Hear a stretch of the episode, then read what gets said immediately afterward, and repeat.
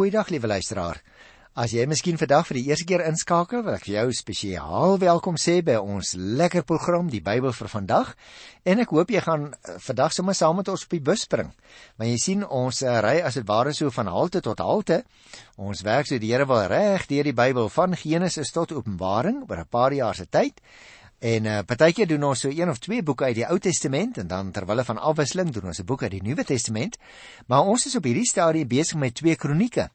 En ek wil amper vir jou sê jy staan so op 'n skanierprogram wat jy nou vandag by inskakel want jy sien die gedeeltjie wat ek gaan behandel is 'n uh, die besoek van die koningin van Skeba aan die beroemde koning Salomo in die Ou Testament.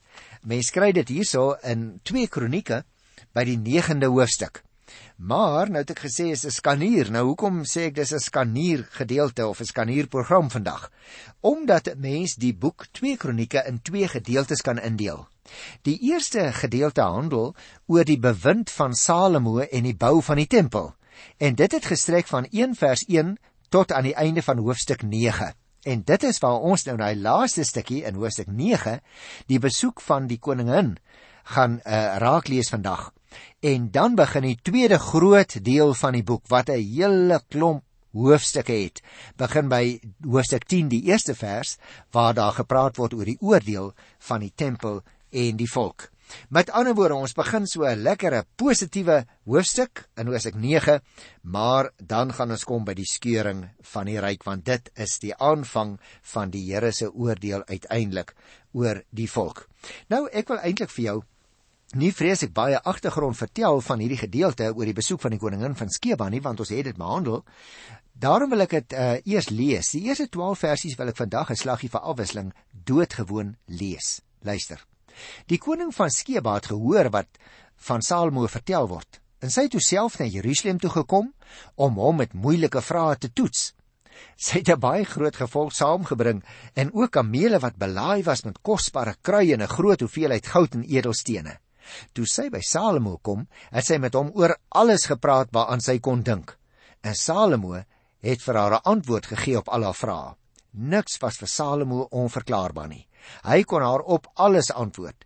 Die koningin van Skeba het onder die indruk gekom van Salomo se wysheid die tempel wat hy gebou het, die geregte op sy tafel, die manier waarop sy amptenare aangesit het, die bediening deur sy tafelbediendes met hulle monderings, sy skinkers met hulle monderings en van die optog wanneer hy na die huis van die Here toe opgegaan het. Haar asem het daarvan weggeslaan. Sy het vir die koning gesê: "Wat ek in my land oor u en u wysheid gehoor het, is waar. Ek het nie geglo wat hulle my gesê het nie, totdat ek gekom het en myself oortuig het." Nou weet ek dat nie eers die helfte vir my vertel is oor u grootheid nie. U het alles wat ek gehoor het ver oortref. Hoe bevoorreg is u mense? En hoe bevoorreg is hierdie amptenare van u dat hulle gedurig in u diens staan en u wysheid kan aanhoor? Geloof sy u God. Is dit nie wonderlik nie luisteraar dat hier staan? Geloof sy u God, die Here, wat aan u soveel wysheid bewys het dat hy u op sy troon gesit het, 'n koning deur u God, die Here self aangewys. Dit is omdat u God vir Israel liefhet en die volk altyd in stand wil hou dat hy u as koning oor hulle aangestel het om die orde en die reg te handhaaf. Sy het vir die koning meer as 4 ton goud en 'n groot hoeveelheid kosbare kruie en edelstene gegee. Die kruie wat die koningin van Skeba vir koning Salomo gegee het, was meer as wat ooit die land ingekom het.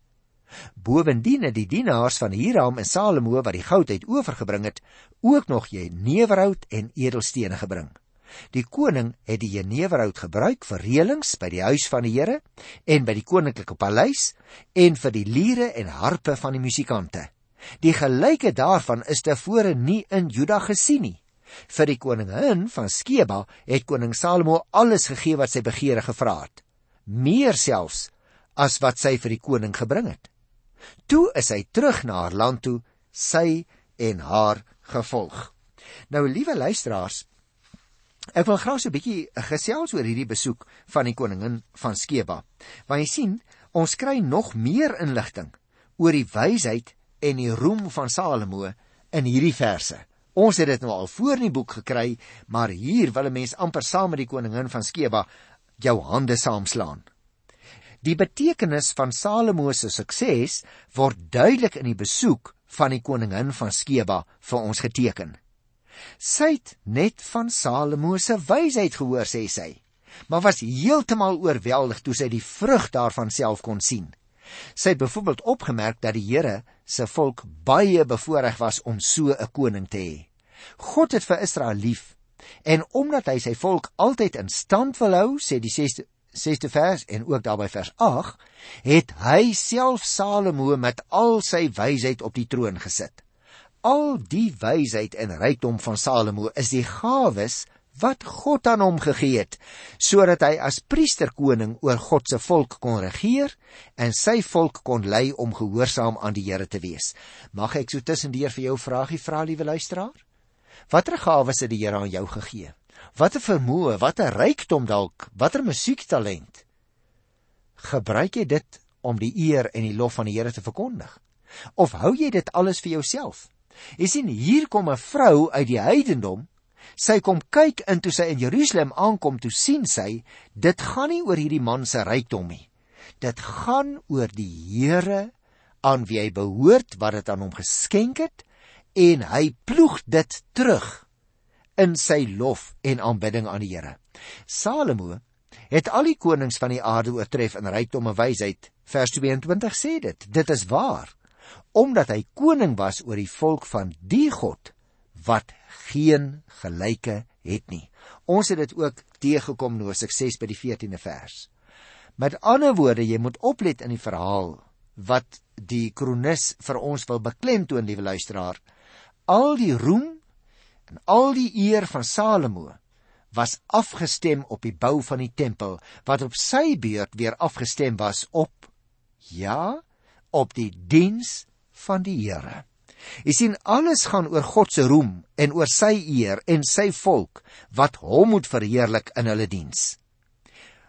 Luisteraar, hoe roemryk en hoe groot jy en ek dalk ook al mag wees daar in die omgewing waar ons woon.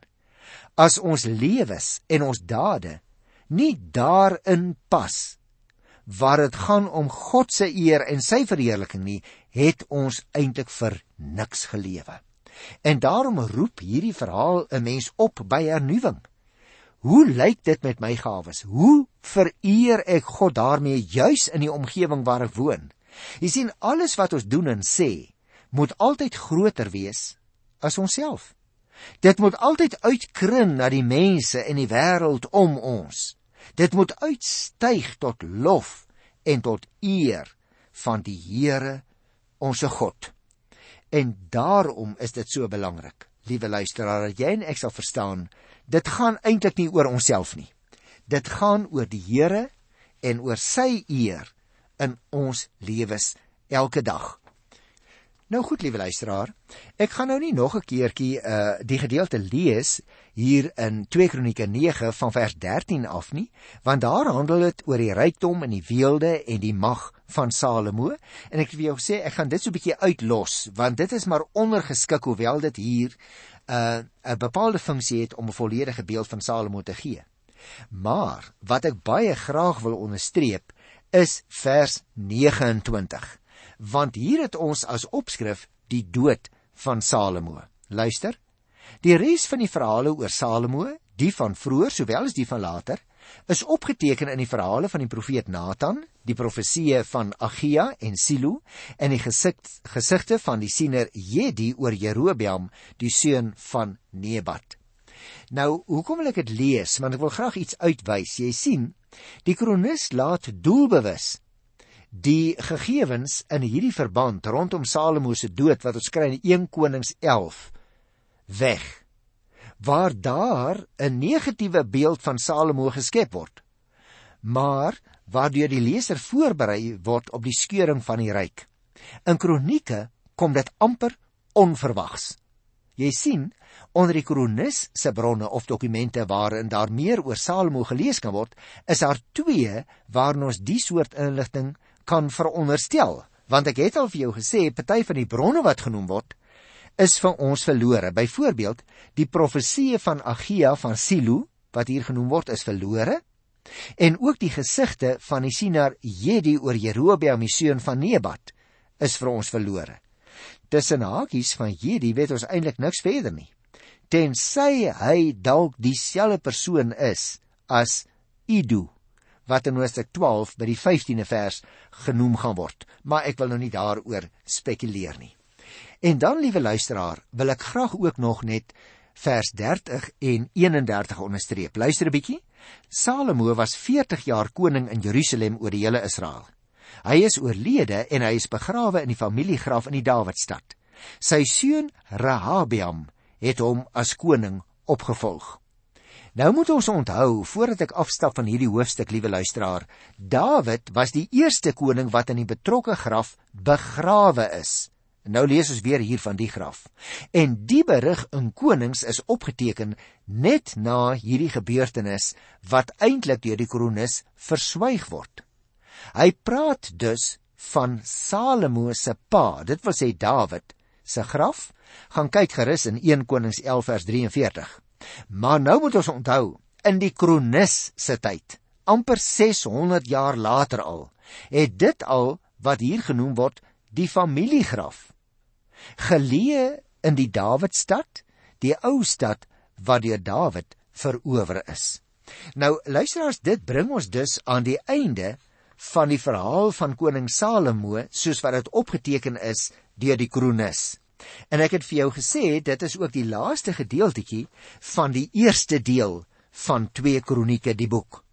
So nou gaan ek begin in hierdie program ook met die tweede deel van die Kronieke boek. Dit strek hier van 2 Kronieke 10 se eerste vers af tot reg aan die einde en dit vertel ons die verhaal uh, van die oordeel oor die tempel en die volk. Nou, dit begin dan dadelik met die skeuring van die ryk. En dit is vir ons 'n belangrike verhaal, liewe luisteraar, altyd 'n hartseer verhaal as 'n mens sulke goed in die geskiedenis raak lees, veral in die Bybel. Ek wil eers vir jou so 'n bietjie 'n oorsig daarvan gee, uh sodat ons die breë verband kan verstaan.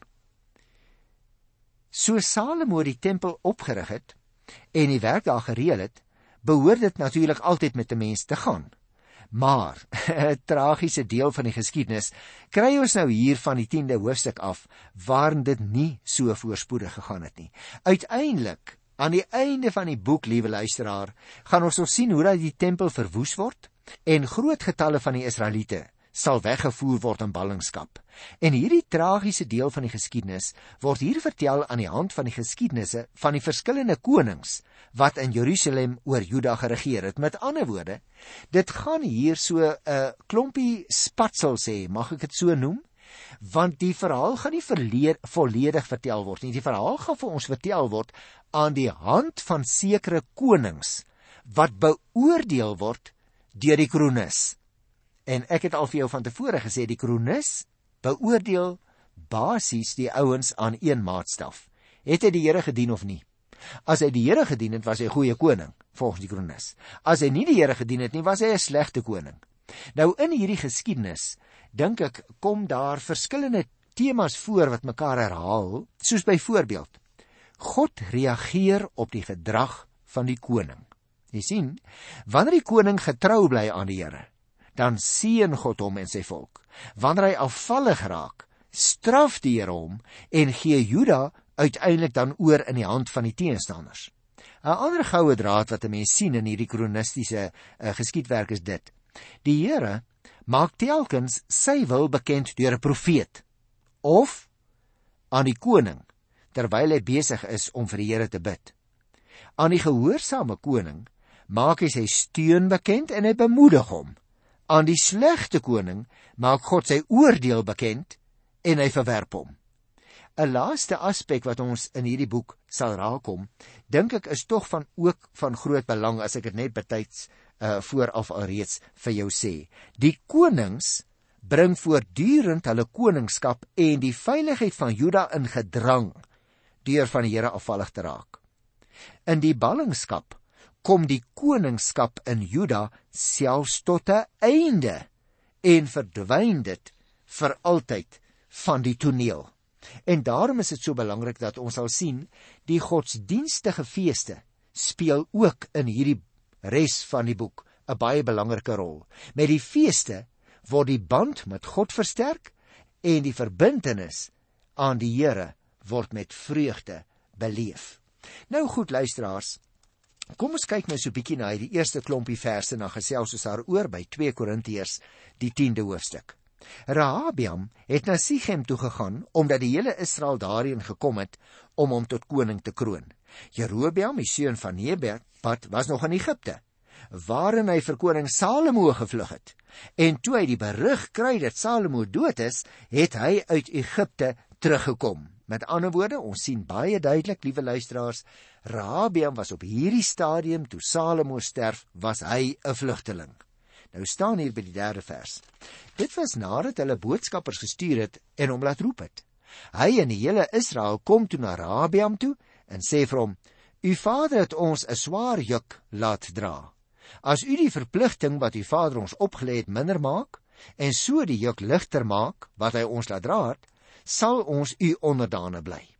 Rahabiam het toe vir hulle gesê: "Kom oor 3 dae na my toe terug." Nadat die volk vertrek het, nou moet jy mooi luister, het Rahabiam toe die raad gevra van die ouer mense wat in diens van Salomo sy pa was tydens diese lewe. "Wat meen julle moet ek hierdie mense antwoord?" het hy gevra. Hulle het vir hom gesê: "As u dit goed bedoel met hierdie volk en hulle tevrede stel en hulle 'n gunstige antwoord gee, sal hulle altyd die onderdane bly."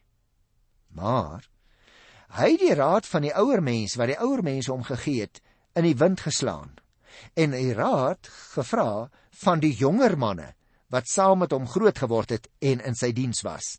Wat meen julle? vra hy toe vir die jonger manne. Moet ons hierdie mense antwoord? Hulle het gevra ek moet die juk wat my pa op hulle gelê het ligter maak. Die jong manne wat saam met hom groot geword het, het toe vir hom gesê: "U moet die volk soos volg antwoord. Hulle het vir u gesê: "U vader het ons 'n swaar juk laat dra. Maak u vir ons die juk ligter." U moet vir hulle sê en nou moet u mooi luister luisteraar, watter verkeerde raad word nou hier gegee. My pinkie is dikker as my pa se middellyf. Dis so 'n bietjie spog, né? My pa het 'n swaar juk op julle laat druk en ek gaan die juk nog swaarder maak. My pa het julle met swepe geslaan. Ek sal julle met gesels slaan toe Jerobeam en die hele volk die derde dag by koning Rahabiam kom, volgens sy opdrag, kom oor 3 dae na ons toe terug, het hy hulle het hy hulle die harde woorde gegee. Koning Rahabiam het die raad van die ouer mense in die wind geslaan en die volk geantwoord volgens die raad van die jonger manne. Ek gaan 'n swaar juk op julle lê. Ek gaan dit nog swaarder maak. Toe die Israeliete hoor dat die koning nie aan hulle versoek voldoen het nie, het hulle vir hom gesê: "Dawid is nie deel van ons nie. Ons het niks aan Isaai se seun nie. Elkeen terug na sy woonplek toe Israel. Kyk nou maar na jou eie huis, Dawid." Die hele Israel is toe terug na sy eie woongebied toe. Rahabiam het net koning geword oor die Israeliete wat in die stede van Juda gewoon het.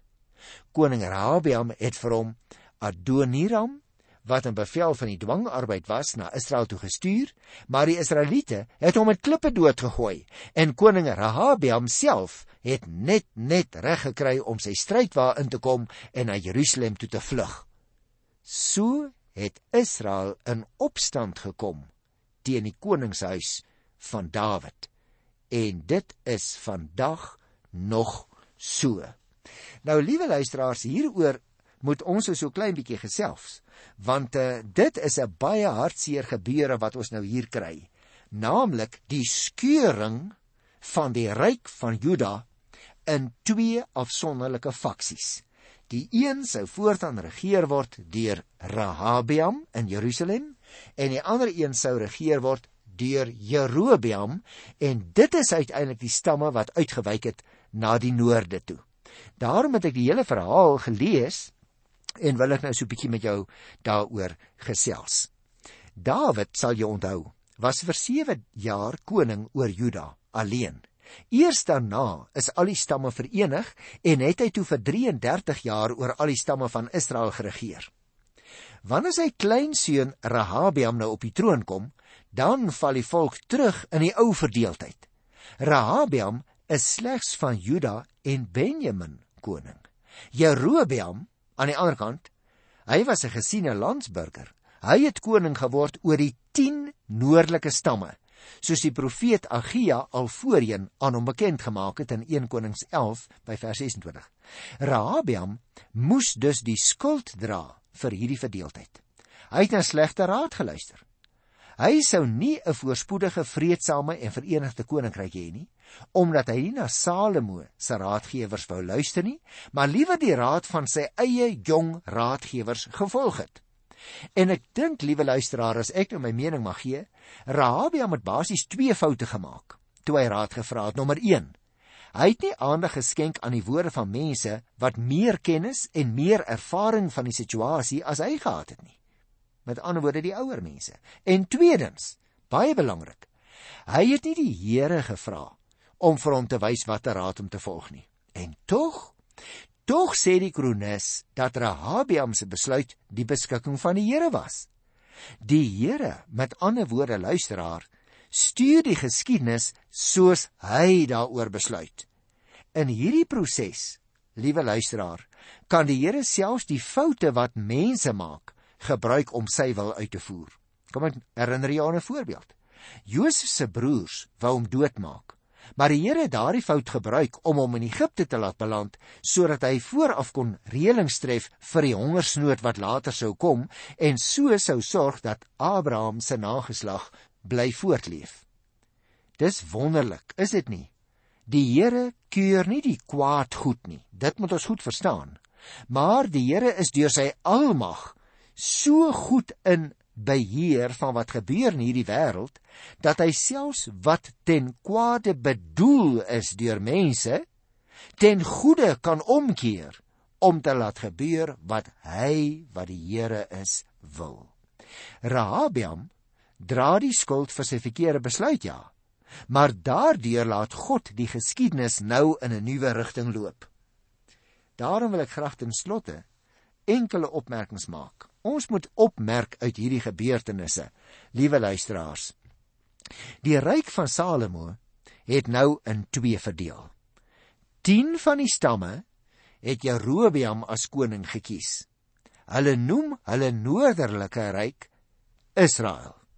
Die ander twee stamme, met ander woorde die stamme van Juda en Benjamin, het nog steeds lojaal gebly aan Dawid, die ou vader se nageslag. En hulle het vir Rehabiam, Dawid se kleinseun, as koning aanvaar. Hulle het die land Juda genoem. Dit was ook bekend as die Suidryk. Dit is slegs die geskiedenis van die suidelike ryk en sy konings waaraan kronieke anders as konings verder aandag gaan gee. Met ander woorde, as jy inskakel op ons volgende program, dan gaan ons nou die verhaal volg in die kronieke boek in 2 kronieke. Die verhaal volg van die konings van die suidryk. Met ander woorde, dit is die konings wat ook die ou Dawidsryk honoreer. Dit is die ouens wat hulle onder die kleinseun van Dawid skaar, naamlik Rehabiam.